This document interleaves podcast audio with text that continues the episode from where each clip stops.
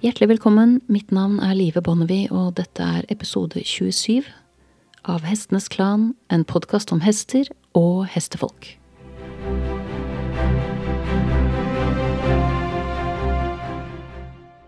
Jeg har lenge hatt lyst til å lage en podkastepisode om hestens anatomi. Og etter å ha tenkt litt frem og tilbake om hvordan i all verden man skal kunne si noe om hestens anatomi uten å kunne peke og forklare ved hjelp av bilder, så har jeg kommet fram til at jeg skal prøve å gi deg samme inngang som jeg selv har hatt. Den kom interessant nok ikke gjennom verken bilder eller plansjer, men gjennom ord. Nærmere bestemt ord fra latin og gresk. Det var sånn at faren min hadde en skoeske stående i klesskapet sitt på soverommet. Og i den skoesken så samlet han utklipte ord fra tidsskrift og aviser. Og noen ganger så satt han og jeg oss ned ved stuebordet, og så la vi disse ordene ut, og bygget setninger og dikt og små fortellinger med dem. Og mens vi drev med dette, så hendte det at faren min lekte seg litt med å gi meg en smak av også gresk og latin. Nærmere bestemt en smak av etymologien. Etymologi er jo gresk og betyr læren om det sanne. Det handler om hvor ordene kommer fra, deres avstamning, opprinnelse, slektskapsforhold og betydningshistorie. Og det første ordet pappa nevnte for meg, det var TV. TV, sa pappa, det kommer fra ordet televisjon. Og det er satt sammen av det greske ordet tele, som betyr fjernt eller langt unna, og det latinske ordet visio, som betyr visjon eller det å se. Så TV, det er at du ser noe som kommer langt borte fra. Dette syns jeg var veldig fascinerende. Så la pappa til et nytt ord, det var ordet telefon. Han sa at tele har du allerede lært, sa han. Det betyr jo noe som er fjernt eller langt borte. Og fon, det kommer fra fono, som betyr lyd. Så en telefon, det er rett og slett en lyd som kommer langt borte fra. Det neste ordet var bil, eller sånn som det egentlig het opprinnelig, automobil. Av greske autos, som betyr selv, og latinske mobilis, som betyr bevegelig, altså et fremkomstmiddel som kan bevege seg selv. Nå fantes ikke mobiltelefonen på pappas tid, men det er klart at hadde han gjort det, så kunne han lett fortalt meg det enhver nå vil kunne resonnere seg fram til. Den er mobil, så den kan beveges, og det er en tele som er langt unna, og en fon som er en lyd. Så det er en bevegelig lyd som kommer langt bortefra. Det neste ordet jeg fikk av faren min, var telegrafi, hvor tele begynner å bli et ord vi etter hvert kan kjenne godt, og grafi kommer fra grafein, som betyr å skrive. Telegrafi betyr rett og slett skrift som kommer langt borte fra. Så var vi også interessert i naturfag, faren min og jeg, og fosfor var et av de ordene som brant seg litt fast til meg, rent bokstavelig talt. For foss, FOS, er gresk for lys, og det gjorde inntrykk på meg at et grunnstoff som i krig brukes til å lyse opp slagmarken i mørket, for lettere å kunne drepe sine fiender. Eller et grunnstoff man kan lage brannbomber av, som fører til så store lidelser at det er blitt forbudt å bruke. Det er utledet av det greske ordet fosforos, som betyr lysbærer. Jeg husker den kontrasten i at navnet er så poetisk, men bruken av stoffet var ikke like vakker. Det var ordet fotografi som for alvor endret mitt forhold til språk for alltid. Nå vet man allerede ut fra denne podkasten at greske fos betyr lys, og at grafi kommer fra grafein, som betyr å skrive. Så fotografi, det betyr å skrive med lys. Og jeg tenker som følger. Ved å ha et forhold til språket vi snakker, så blir det mer levende, og måten vi bruker ordene på, farges faktisk av deres betydning. Jeg vil påstå at jeg rett og slett har blitt en mer poetisk og dyktig fotograf når jeg tenker over at det jeg driver med, er å skrive med lys, enn bare å slå meg til ro med at jeg snapper et bilde. Så hvorfor er gresk og latinsk relevant for oss som driver med hest? Jo, fordi begge språkene fortsatt er levende i bruk når det gjelder veterinærmedisin.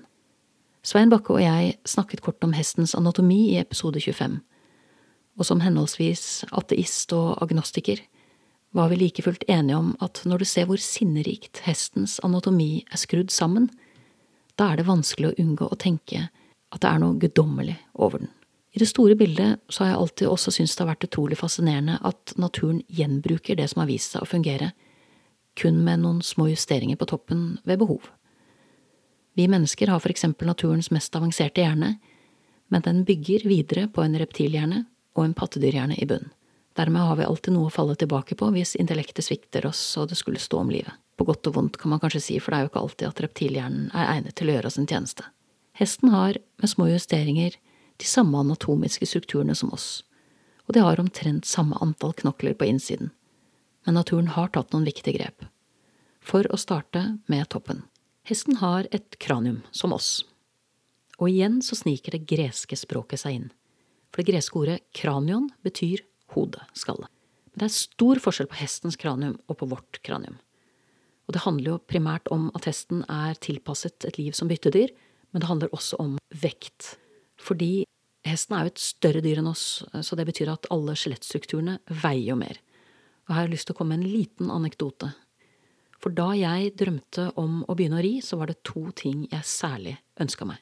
Det ene var å ri en hest i strak galopp over et åpent jorde som var fantastisk.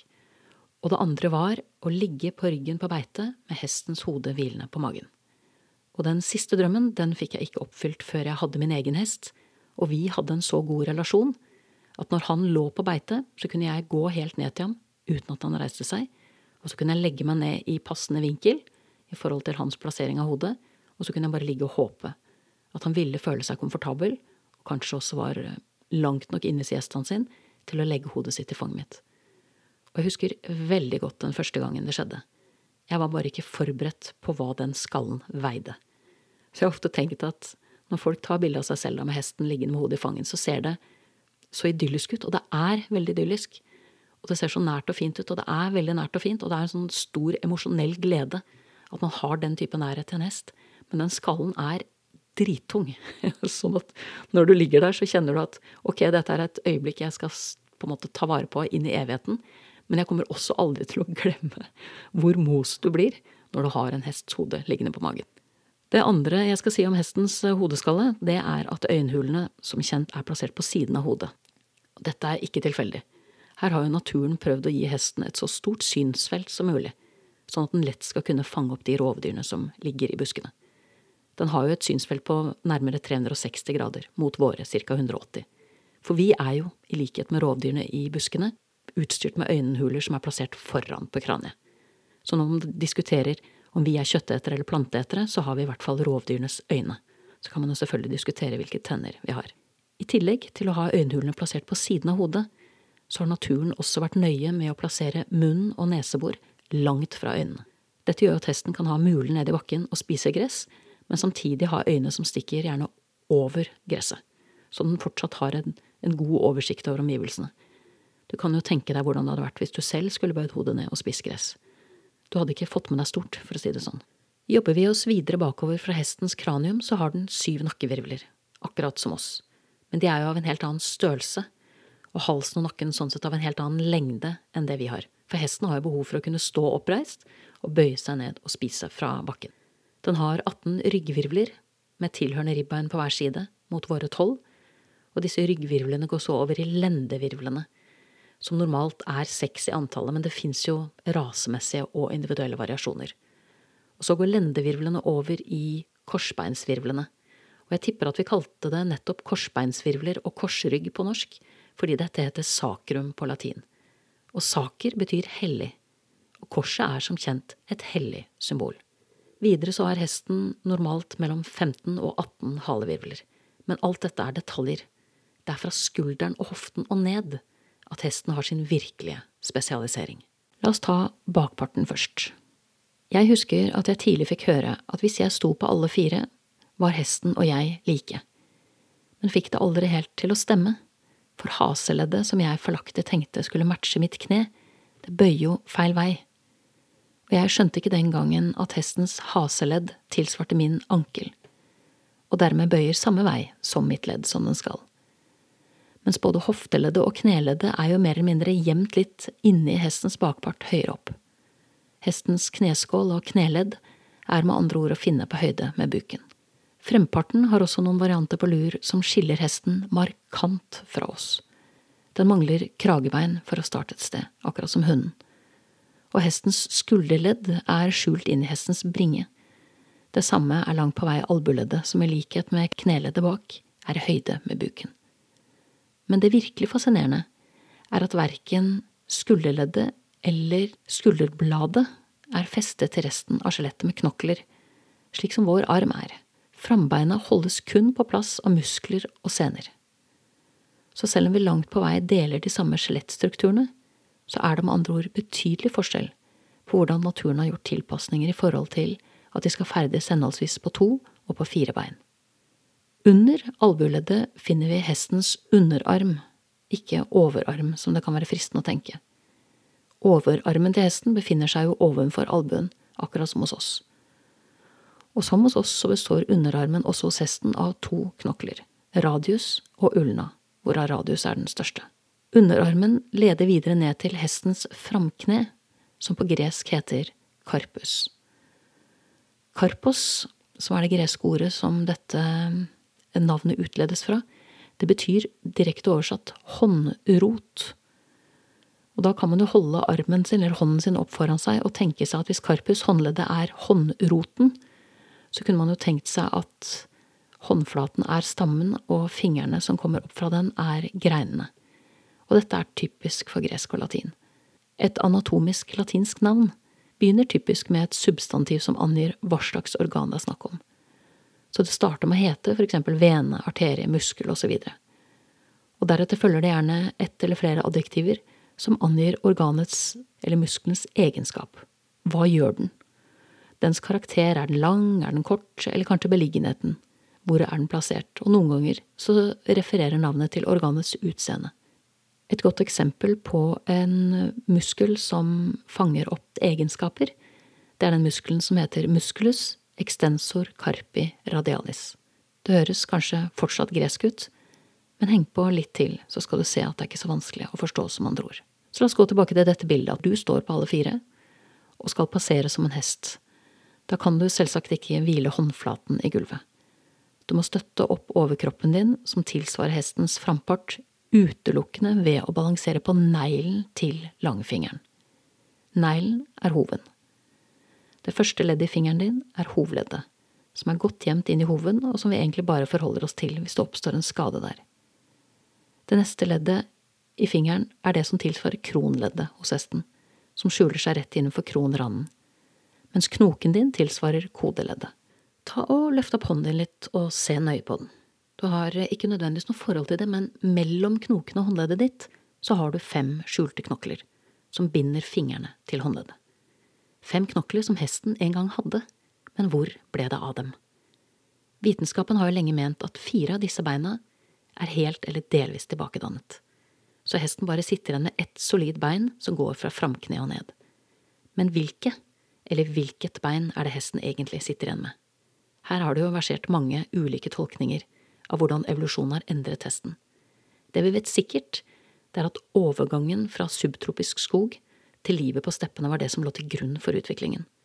Fingre og tær er nyttige for et lite firbeint dyr som ferdes i et fuktig, myrlendt landskap, mens høver gir mye større hastighet på fast underlag. Selv så vokste jeg opp med teorien om at hesten går på langfingeren, mens knoklene som tilsvarer vår pekefinger og ringfinger, er redusert til noen tynne, skjøre griffelbein på utsiden og innsiden av pipa til hesten, mens tommelen og stortåa har blitt redusert til hestens kastanjer, den hornhuden man kan kjenne på innsiden av alle fire beina. Lillefingeren og lilletåa derimot har vært sporløst forsvunnet. Men nå tyder nyere forskning på at det er mer sannsynlig at de midterste tre fingrene har vokst sammen til ett kraftig bein, og at de to siste, som ville vært vår tommel og lillefinger, er det vi i dag kjenner som griffelbeina, som er bein vi normalt ikke trenger å forholde oss til, med mindre de brekker. Eneste brikken som gjenstår da, er i tilfelle kastanjen. Hva i all verden skal hesten med den, og hvor kommer den fra? Det er jo det som er så innmari artig med å drive med hest, det er at det er alltid nok ting å lure på. Uansett, selve teorien om at hesten fortsatt bærer med seg sine fem fingre og fem tær, vokser ut av en studie fra New York Institute of Technology, som ble publisert i det vitenskapelige tidsskriftet Royal Society Open Science. Der gikk det frem at det er tre funn som underbygger hypotesen om at de overflødige beina aldri ble tilbakedannet, men faktisk fortsatt inngår hestens skjelett den dag i dag. Det første var studien av beinstrukturen i nålevende hester, som viser spor etter de manglende knoklene. Det neste var studien av hestens evolusjonsmessige utvikling, som peker i samme retning. Men det tredje og viktigste funnet var knyttet til det nevrovaskulære nettverket i hestens bein. Og igjen kommer det greske og latinske språket og sniker seg inn. Nevrovaskulær kommer av greske nevro, som betyr nerve, og latinske vasculum, som betyr lite kar. Det som ble avdekket da forskerne dissekerte foster og voksne hester, var nettopp at hesten fortsatt har fem primærnerver og fem arterier på hvert bein, noe den neppe ville hatt dersom disse fire overflødige knoklene var enten helt eller delvis tilbakedannet, slik vi tidligere har trodd. Så konklusjonen er med andre ord at det vi gjerne kaller pipa, beinet mellom koden og framkneet, trolig består av ringfinger, langefinger og pekefinger, mens det er tommelen og lillefingeren som utgjør griffelbeina. På fagspråket så kalles den bærende hovedknokkelen i hestens frambein metacarpus 3. Og hvis du syns det lyder helt gresk, så er det riktig. Meta carpus kommer av det greske ordet meta, som typisk betyr etter, og karpos, som vi vet betyr håndrot eller håndledd. Så meta carpus 3 det beskriver knokkelen som kommer etter karpus. Og hvorfor tallet 3? Jo, fordi det alle er enige om, det er at det er langfingeren vår og den tilhørende knokkelen som leder opp til håndleddet, som utgjør kjernen i hestens frambein.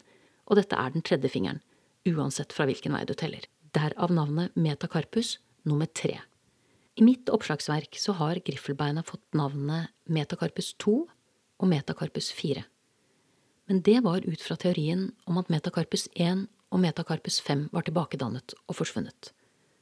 Så det kan hende at i lærebøkene som blir trykket opp fra nå, så vil griffelbeina måtte kalles metacarpus 1 og metacarpus 5. Det gjenstår å se. Det neste man skal tenke på, det er jo at hestens bein er dekket av muskler og sener. Og når det gjelder musklene, så er jobben deres enten ekstensjon, av latin extendere, som betyr å strekke ut, der muskelens oppgave er å strekke ut et ledd, eller så er det fleksjon, der muskelen skal bøye et ledd. Så fleksorer, det er muskler som minsker vinkelen mellom to bein når et ledd beveges, hvis man skal si det litt enkelt, mens en ekstensor, det er en muskel som øker vinkelen mellom to bein når et ledd beveges. Et veldig godt eksempel er at vi snakker om å flekse muskler. Da er det jo bicepsene vi snakker om.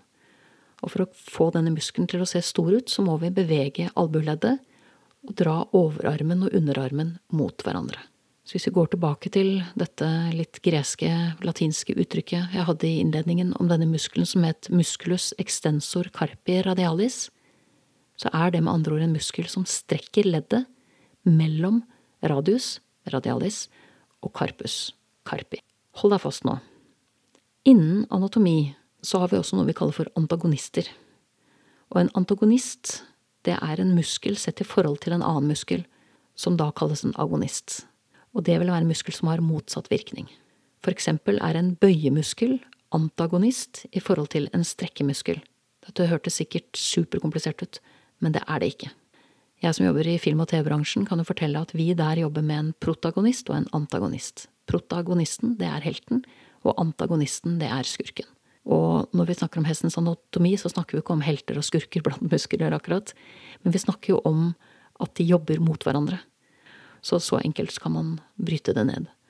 Og ordet antagonist kommer jo av det greske ordet agonist, som betyr kamp. Så har jeg et siste punkt på planen, og det er anatomiens topografi. Og da er det sånn at uh, topografi det er utledet av greske topos, som betyr sted eller område, og grafi, som vi jo allerede nå har fått plassert som er eh, utledet fra grafein, som betyr å tegne eller å skrive.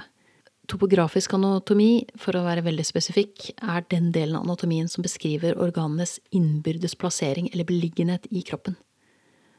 For å kunne beskrive de topografiske forholdene i hestens kropp, altså si noe om organene og muskler og slett og sånn, og hvordan det ligger i forhold til hverandre, så deler vi rett og slett kroppen inn, hestens kropp inn i fire plan. Nærmere bestemt har vi delt kroppen inn i et medianplan, et sagittalplan, et transversalplan og et frontalplan. Og jeg tenkte jeg skulle si noe om eh, medianplanet. Medianplanet, det er rett og slett å dele hestens kropp på langs, altså i to. Så du får rett og slett en høyre og en venstre del. Og hvis, eh, hvis du noen gang har vært på Astrup Fearnley, så har de en installasjon der som heter Mother and Child Divided. Jeg husker det som at det er laget av Damien Hirst.